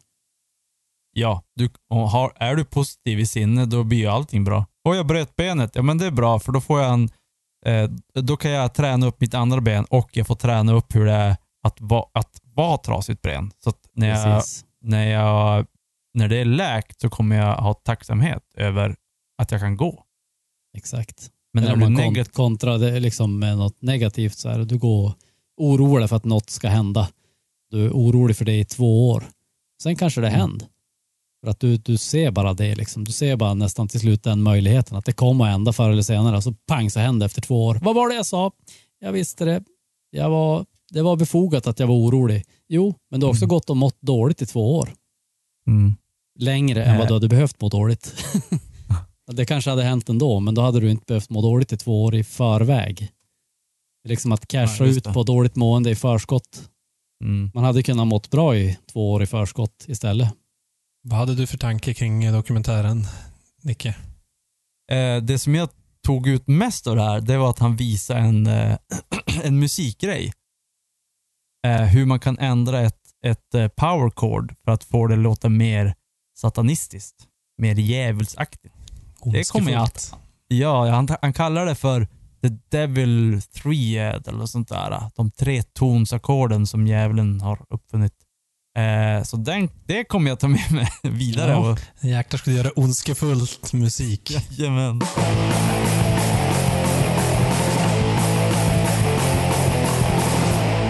Nu ska vi gå över till någonting som, eh, vad ska vi säga? Kyrkan kommer ta avstånd från den här delen av podden. Vilken kyrka? Alla sorts kyrkor, även de här Church of, Sa- satanistiska. Jajamän, då kommer Church of Satan och Sataniska templet och alla sorts kristna kyrkor kommer att ta avstånd från den här delen av eh, podden. Ja. Eh, vi ska utföra en ritual, en satanistisk ritual. Men innan vi gör det så lämnar jag över ordet till Daniel Hedenström som har lite tankar om ritualer. Jag försökte hitta lite ritualer som vi skulle eh, utföra, men alla jag hittade som var från Church of Satan eller andra grupper så innebar det blodsoffer. Eh, och Jag tänkte att det blir lite opraktiskt och ja, inte så kul kanske att börja slakta djur i podden. Ehm, Opraktiskt om jag svimmar mitt i inspelningen. Exakt. Ja. Men, men jag, jag tänkte lite grann kring det där. Det har jag gjort under en längre period, just det här med offer och, och ritual, offerritualer. Att det är en väldigt stor del i nästan alla eh, kulturer och ritualer genom tiderna så har man offrat saker. Mm. Och Jag tyckte det verkade så himla grymt och onödigt. Så var, var, fasen, var kom det här ifrån? Varför ska man ens göra det här? Är de dumma i huvudet? Liksom? Man har ju tänkt att ja, men förr i tiden var ju dumma i huvudet och djävulskt. Men, men eh, eftersom det har praktiserats över hela jorden under så många årtusenden så tänker man att det måste ju ligga något i det. Och eh, då, då eh, tänker jag så här. Att det kanske är tvåfalt. Två olika förklaringar till varför man gör eh, offer. Ni kanske har, har bättre insikt i det här än vad jag har. Men jag tänker att den ena delen är att visa för sig själv att man kan ge upp någonting. Ungefär som jag gjorde med ölen i början. Att man har något av värde, vilket ju under bondesamhället kanske då ofta var djur. Det var det mest värdefulla man hade. Och att då eh, i, i Guds namn eller i eh, sitt eget välbefinnande kunna då säga att ja, men jag, jag, jag kan ge upp det här, jag kan ge upp något världsligt för att nå någonting annat. Det, det är ju en, en förklaring till varför man gör det. Eh, vilket ju är en central del i till exempel buddhismen, att man ska inte vara bunden till de materialistiska sakerna. Um, men så tänkte jag att en annan förklaring skulle kunna vara också eh, lite motsatsen till det man tänker, att det är någonting rått och brutalt och det här gör man om man är hjärtlös. Eh, utan att det snarare är ett test för ens empati. Att man offrar någonting, man, man tar ihjäl någonting för att se och bevisa att man fortfarande kan ha empati och känna för det man offrar. Att känna att nu tar vi ett liv och om jag är så frånkopplad från mig själv att jag tycker att det här känns ingenting, då har man förlorat sin väg. Eh, att man gör det för återkommande vid, vid ritualiska högtider för att bevisa att ja, men jag, jag har fortfarande liksom hjärtat med och empatin med. Att jag tycker synd om det här djuret eller vad det nu är, barnet som vi offrar. Vad tror ni om den teorin? Eh, jag har ju lyssnat på, Jordan Peterson har ju pratat om det här med offergrejen, varför Tänk. det görs. Tänkte också Eh. dra upp han, för jag har hört mycket. Han pratar mycket om det. Ja, eh, och men säger det du. Eh, nej, för att du, jag, jag tänkte bara lägga in för att du har bättre minne än vad jag har, så du får, du får berätta vad Jordan Peterson har berättat. Men jag vill bara lägga in att eh, jag tror på, du, du, du är på rätt spår med del ett Mm. i alla fall.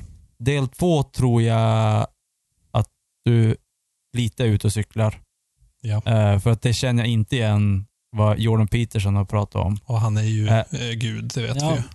Nej men han är ju mer påläst än vad jag är om ritualer och offra. Och så kan jag säga också så här att, att offra djur och eh, människor är ju inte bara det man har offrat. Det är mycket Nej. mer vanligt att man, att man offrar, kanske som du gjorde, offrar lite eh, eh, öl och mat och sånt att man offrar. Och då är det ju också det du sa, det du sa i del ett där, att man offrar någonting som är värdefullt. Mm. Eh, ja, Joel, take it away. Ja, alltså jag har inte jättebra minne just nu kring det där, men men eh, 9,7 del procent. ett- del ett i alla fall, som du säger, det var, det var nog ganska, ganska nära det som, som han sa om det liksom. Alltså varför man utför offer. Mm. Det är väl också, också på något sätt i själva offret så ligger ju någonstans en erkä- ett erkännande av att det finns krafter eller makter som du inte kan styra över. Fast man styr ju Alltså- vad man offrar så att... Eh, Jo, jo, men det finns andra makter än det du offrar. Det finns andra makter än individen. Alltså det, liksom din skörd till exempel. Du offrar någonting för att, alltså vad vi människor har lärt oss genom årtusendena, år, årmiljonerna sedan vi var apor liksom. Så har vi lärt oss att om jag till exempel ger en, ett äpple till en annan individ i flocken så verkar det som att saker och ting går bättre för mig. För att folk, folk kanske ger tillbaka ett äpple någon gång till mig. Och då kanske det är mer än en individ som gör det för att jag gav det till en, vet jag, man gav det till en individ och så berättade den för en annan Jo, men det är ju som en sen gåva. gav mig ett äpple och så vidare. Det är en gåva och det är ju någonting helt annat än att bränna Ja, upp ja men hear me out, hear me out. Det är ju så offerritualer har uppstått. Det är det jag menar. Eller det är det som jag har lärt mig av Jordan Peterson rättare sagt. Det här det evolutionära tänket kring det. Mm. Hur de har evolverat fram offerritualer. Och ritualer brukar ju oftast vara att det är en gåva till menar, en, en gud. ritual, en ritual gör man ju inte, alltså en sån till exempel offerritual där man offrar ett djur. Man gör ju inte det för att man tror att det direkt ska ge en någonting. Utan man, ge, man gör det för att visa att det finns större krafter i spel än man själv kan kontrollera. Jo, men om man, om man tar det så då blir det ju bara folktro och, och, och nonsens. Då, då finns det ju inget Nej, det blir eh, det inte. rationellt. Ut, utan det blir ett, ett sätt att visa i handling att du inte kan styra över allting. Det blir ett sätt att föra vidare genom generationerna det tänket. Att vi offrar så får vi någonting tillbaka. Är du med? Det är ett väldigt enkelt sätt Jo. att föra vidare ett väldigt fundamentalt tänk. Ja, men, men jag kan tycka att eh, om det är därför man gör ett offer så, så finns det ingen anledning att göra ett offer idag. Jo, det finns det ju. För om, Om då, du- vi, om vi, du- vi, om vi vet ju rationellt nu att jag kommer inte få en bättre skörd för att jag bränner upp eh, en tiondel av min skörd. Nej, nej exakt. Men du kan göra mindre offer. Till exempel hjälpa en tant över gatan eller något jo, men annat. För att dina offer. medmänniskor ska se dig som en, en trovärdig medmänniska. Men det, det är en gåva och inte ett offer. Det är två helt olika saker. Ja, jag vet inte om det är en gåva. Det är det är både en gåva och ett offer i så fall. Du offrar ju lite av din tid för den. För jag menar, är det något som är kärt idag så är det Jo, men tiden. det är, ja, men hjälpa en tant över gatan är inte samma sak som att bränna upp... Nej, det är inte eh, samma sak. Det är inte samma sak. Men idag har vi ju en massa skrifter och texter som inte fanns för 10 000 år sedan. Nej, och du Där- menar där- att det var där- relevant då, men inte nu. Precis. Det är ju en, liksom en del av våra tänk idag. Och det kan vi delvis tacka kristendomen för skulle jag säga. Behandla din nästa så som du själv vill bli behandlad. Till exempel. Som såklart bygger på ännu äldre religioner och traditioner. Men det är den mest styrande i vårt samhälle idag. Så att vi har, vi har det som en levnadsregel. Alltså behöver vi inte offra en get. för att Gud ska vara snälla mot oss. Får jag flika in här? Ja, När vi pratar om gåvor så är ju en, en, en ritual när du offrar någonting är ju en gåva till en gud. Det handlar ju om gåvor. Du ger en gåva till en gud. Till exempel eh, inom, inom, vad heter eh, jag läste på det här om eh, eh, nordisk mytologi. När man offrade, när man skulle ha eh, Eh, höstjämning, eller vad det heter, så då, då har du ett litet bord när du har festen då, när du ska käka massa mat. Så har du bordet och sen så om jag vill offra till Oden, då har jag en snida en figur av Oden som jag har ställt på bordet här. Och så tar jag eh, en skinka. Jag tar en skinka till den här festen, men då tar jag några slicer från den skinkan och ger det som en gåva, en offergåva till Oden för att eh, Oden ska hjälpa mig. Så det är en gåva till Oden. Det är ju ett eh, eh, offergåva.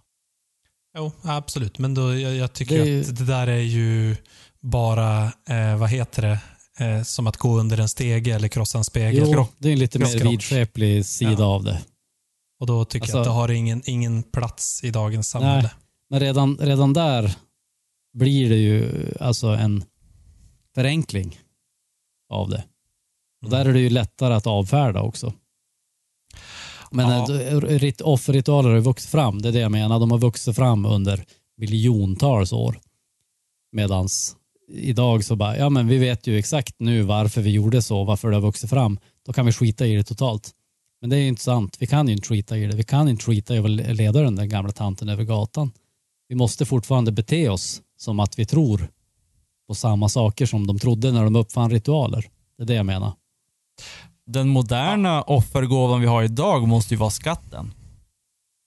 Eller? Jo, jo. Vi, vi tar en del av vår lön och så offrar vi den till staten. Det är ju den monetära offergåvan liksom. Så att när, när du all. bryter benet då Vi kan borde du... ha en, kan, eh, en ritual när vi betalar in skatten. Vi ses Ja, alla och så sen tar man Ja. med sig en bunt pengar och så lägger man där. och under Stefan, komma Löfven, till- Stefan Löfven-figuren som vi har snit. Exakt. Men den här äh, nummer två av det du sa, Ja. det här med att eh, det är en koll mot en själv också. Det är ju sant att det är liksom eh, ritualer, offerritualer, de, de slutar ju inte med att, eller de börjar inte och slutar med att du tar eh, livet av ett djur till exempel. Och så bara, ja, nu har jag skurit halsen av det här djuret, nu är det färdigt. Utan det är klart att det blir en större grej. Plus vad som också finns inbakat i det är ju att du, precis som du säger, du känner ju någonting och du, du vet ju att ja, men det här kostar ju inte bara dig utan det kostar ju även djuret såklart, livet. men det blir ju på något sätt ett mer holistiskt tänkande. Alltså själva ritualen ska ju vara som en miniversion av ett större skeende Mm. på något Mm. sätt. Och där finns ju allting med. Alltså inte bara det omedelbara, inte bara den här som, Nej, som, man, som man tenderar att tänka idag att ja men okej, jag går dit med helt egoistiska intentioner och så skär jag halsen av ett djur och så regnar det guld från himlen. Det är ju så en modern människa tänker på det. Men det funkar ju inte så, alltså ska vi inte offra.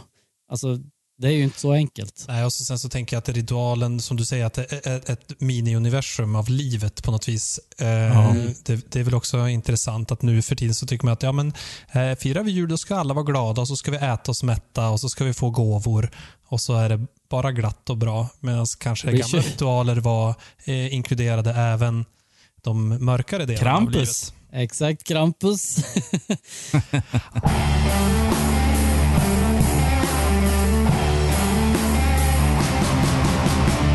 Nu ska vi göra lite ritualförberedelser.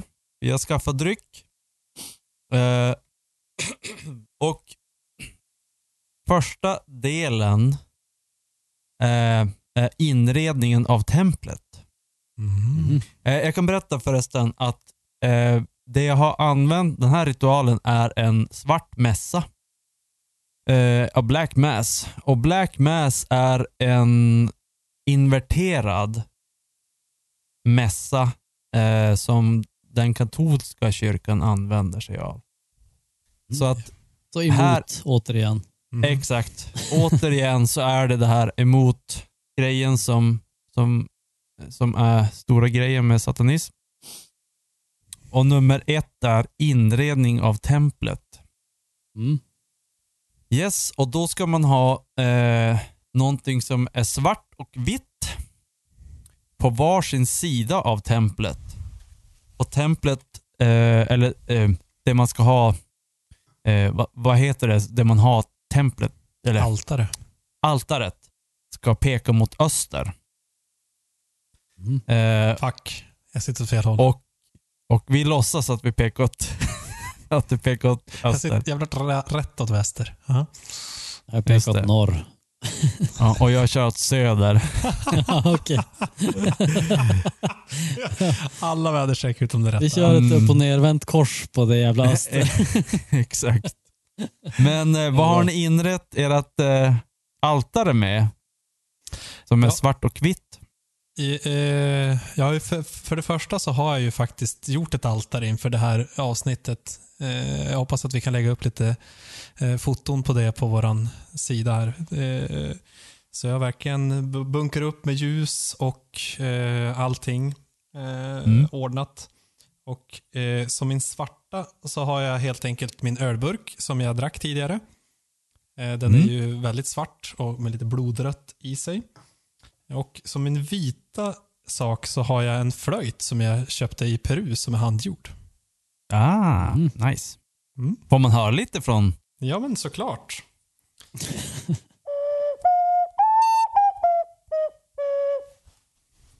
Nice. lät väldigt peruanskt. Tack. Peruvian panflute nästan. Ja. ja, Joel, vad har du då? Eh, ja, men jag, jag försöker alltid hålla ett öltema på allt vi gör i den här podden. Jag körde en eh, vit öl, alltså en veteöl. Och så körde jag helt enkelt en väldigt svart öl. Eh, med black metal-tema dessutom, som ni har sett för. Ah, stout Mm. Jag ska, ja, Nice. så det är vitt och svart helt enkelt. Yes. Eh, jag kör på djävulens, det värsta djävulen har uppfunnit. Spel och dobbel. Två stycken Tärningar. tärningar. En vit tärning och en svart tärning.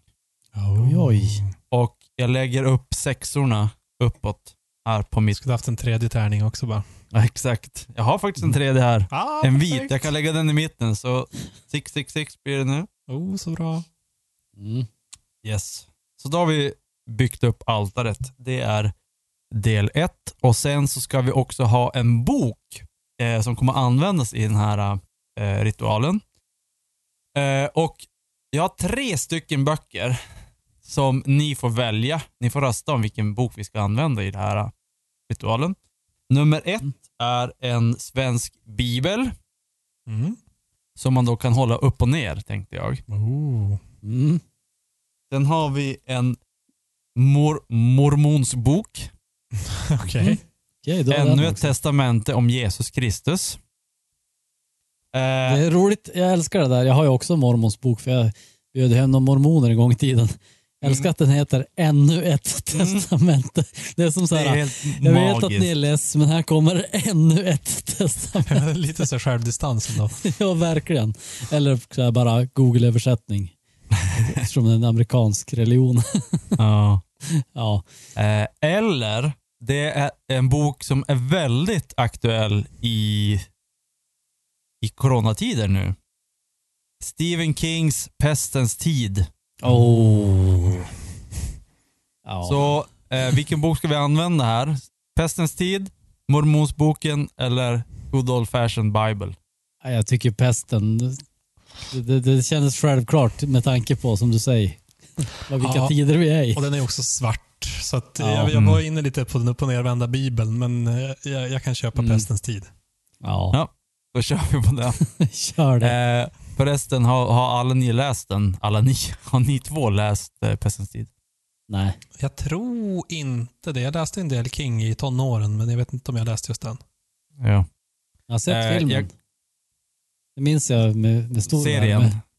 Det finns väl ingen film? Det finns bara en serie. Två Ja, serier. men serien har jag sett. Ja. Tillsammans med Eh, dig. Ja, just det. Jo. Eh, och och jag, en tredje part i ett annat rum. Men det, det är en annan historia. ja. eh, jag kan starkt rekommendera den här, rekommendera den här boken.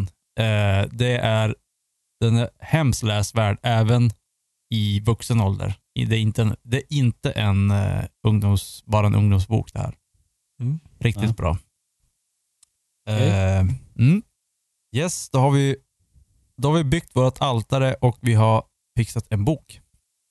Sen har vi då eh, alla ceremonier. Det är eh, en, två, tre, fyra, fem, sex, sju. Det är åtta delar. Och jag har kört eh, translate på dem. Så att eh, om orden låter konstiga så får det vara med på det. Mm. Mm.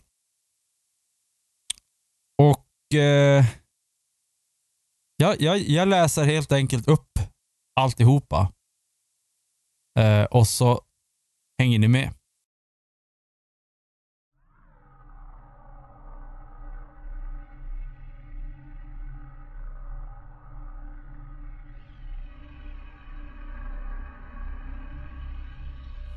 Av kommendarer avsamlas.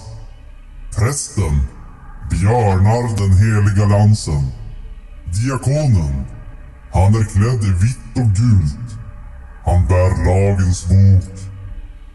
Två barn, de är klädda i vitt och svart. Den ena bär en kanna vatten och en källare av salt. Den andra en sensor av eld och en kista av parfym.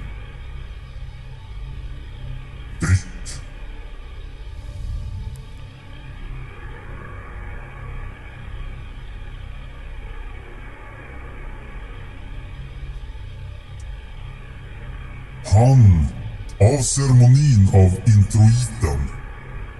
Han dekonen förskott och bågar innan den öppna helgedomen där Graal är upphöjd.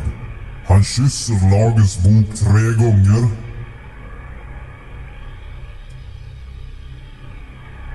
Öppnar den och lägger den på superaltaret.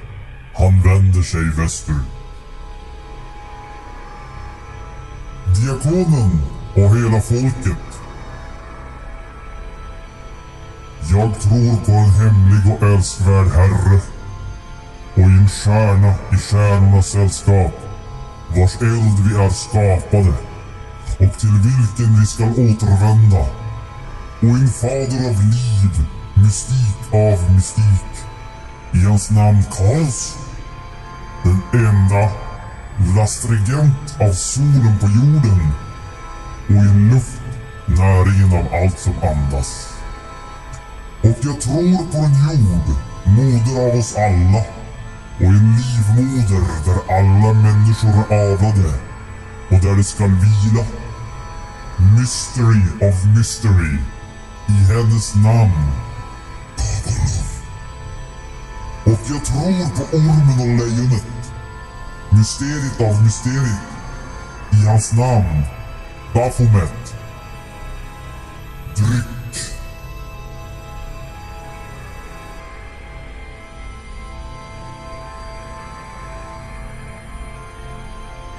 Av ceremonin för öppnandet av slöjan.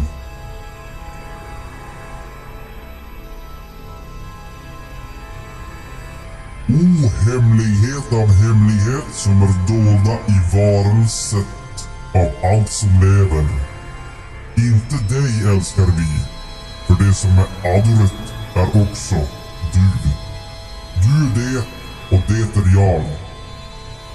Jag är lågan som brinner i varje människas hjärta och i kärnan av varje stjärna. Jag är livet och livets givare.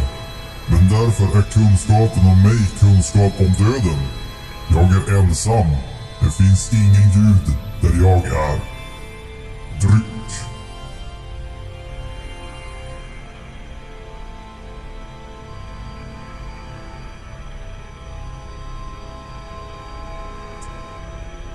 Och församlingen står upp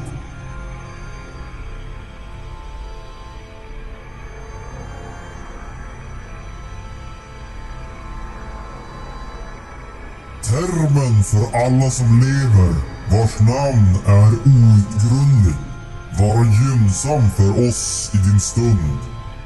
Och folket säger, så motet det vara. Så det vara. Sitt ned och tryck.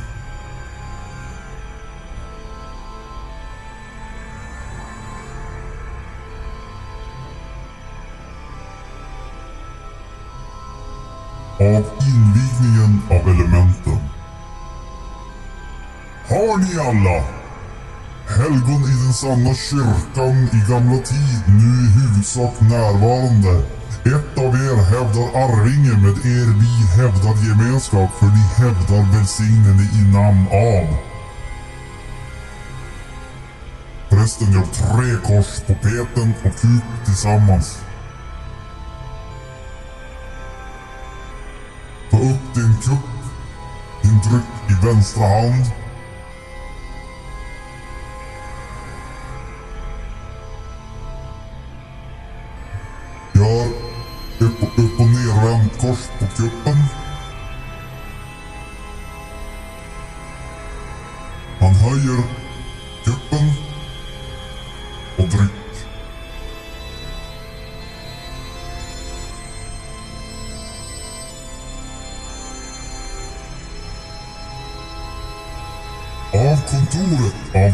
Av Ära och dyrkan vara till dig. Sap av världens aska. Heliga träd.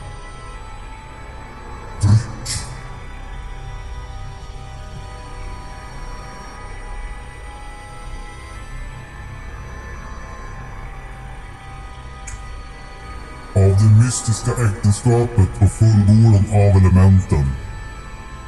I min mun är kärnan i solens liv. liv. Han tar sin kupp med höger hand. Gör ett upp nervänt kors på kuppen.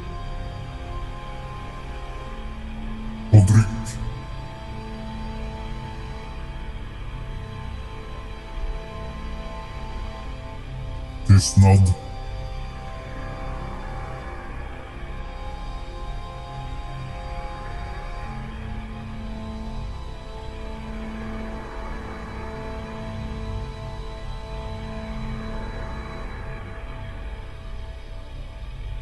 Prästen tar, avslöjar och erbjuder kuppen som tidigare. I min mun bara kärnan i jordens glädje.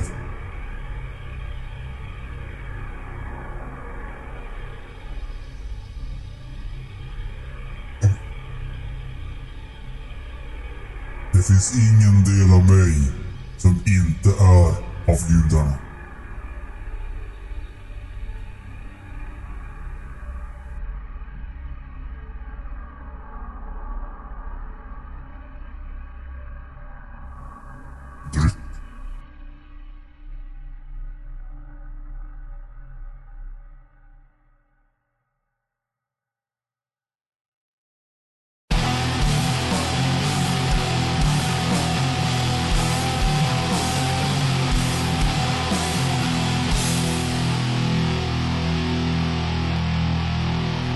Det var en eh, extremt nedkortad version av en svartmässa.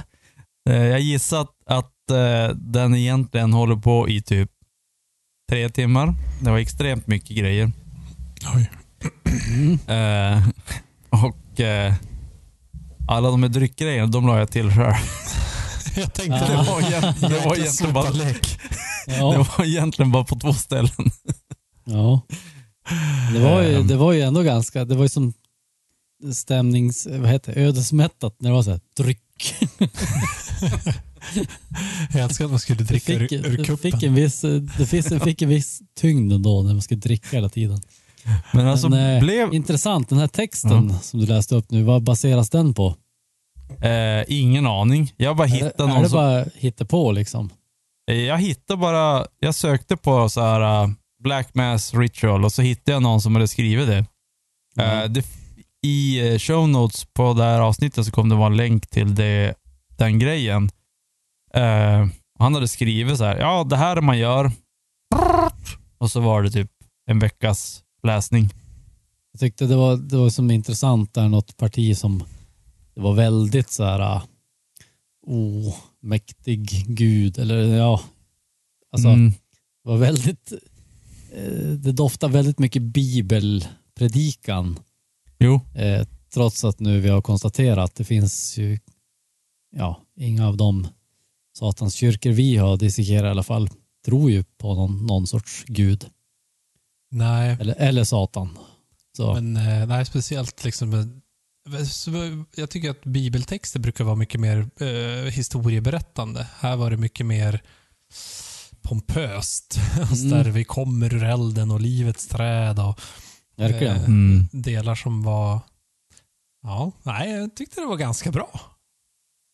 Mm. Stämningsfullt. Ja, det, var, det var mycket stämningsfullt var det. Mm. Mm. Eh, fick, blev det titan, alltså hade jag basrösten nu? Ja, som satan. Ja, ja. Ja, Jo. vad bra. För då funkar det. Då funkar det. Jag Ja, det var roligt kan, med jag kan även få en eh, robotröst. Mm. Hej, hej, jag är en robot. ja. Eller att jag får magiska chords. La, la, la, la. Åh, the Eller- magic tea. Eller att jag sitter i en grotta. Eller att jag är Blox. Jag vet inte vad Blox är för någonting. Ja. Grottan kunde ha funkat bra ändå. Ja, okej. Var det... Okej. Eh, och sen har vi babyljudet. Ja. Den hade inte gjort sig lika bra tror Nej, jag. inte riktigt lika bra. Satanistisk mässa.